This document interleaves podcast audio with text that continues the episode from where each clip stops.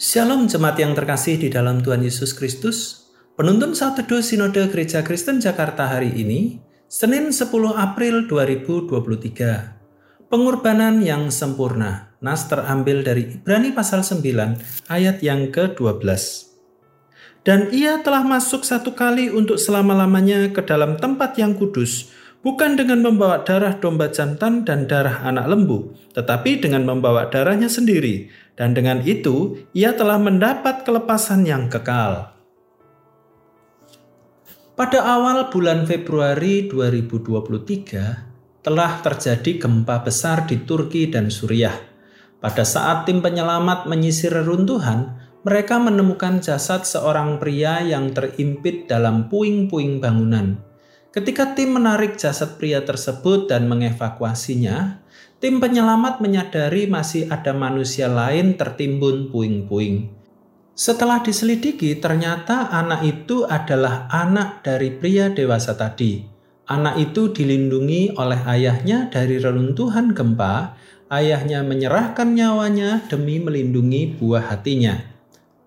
Dalam nas hari ini, kita dapat melihat seperti apa pengorbanan yang dilakukan oleh Tuhan Yesus. Apa yang dilakukan oleh Tuhan Yesus sebagai imam besar berbeda dengan imam besar lainnya. Jika imam besar lainnya membawa darah domba jantan untuk pengampunan dosa umat dan darah anak lembu untuk pengampunan dosa diri sendiri, sedangkan Kristus sebagai imam besar membawa darahnya sendiri. Ia mempersembahkan darahnya sebagai korban untuk pengampunan dosa manusia. Berbeda dengan imam besar lainnya yang perlu terus-menerus melakukan persembahan korban kambing dan domba, Tuhan Yesus hanya melakukannya satu kali untuk selama-lamanya ketika ia mengorbankan nyawanya sendiri sebagai korban penebusan dosa. Ayat yang ke-12. Hal ini juga diulang berkali-kali dalam bagian lain di kitab Ibrani seperti pasal 7 ayat 27, pasal 9 ayat 28, dan pasal 10 ayat yang ke-10. Penulis Ibrani ingin memberikan penekanan tentang kesempurnaan pengorbanan Tuhan Yesus yang cukup hanya satu kali untuk selama-lamanya.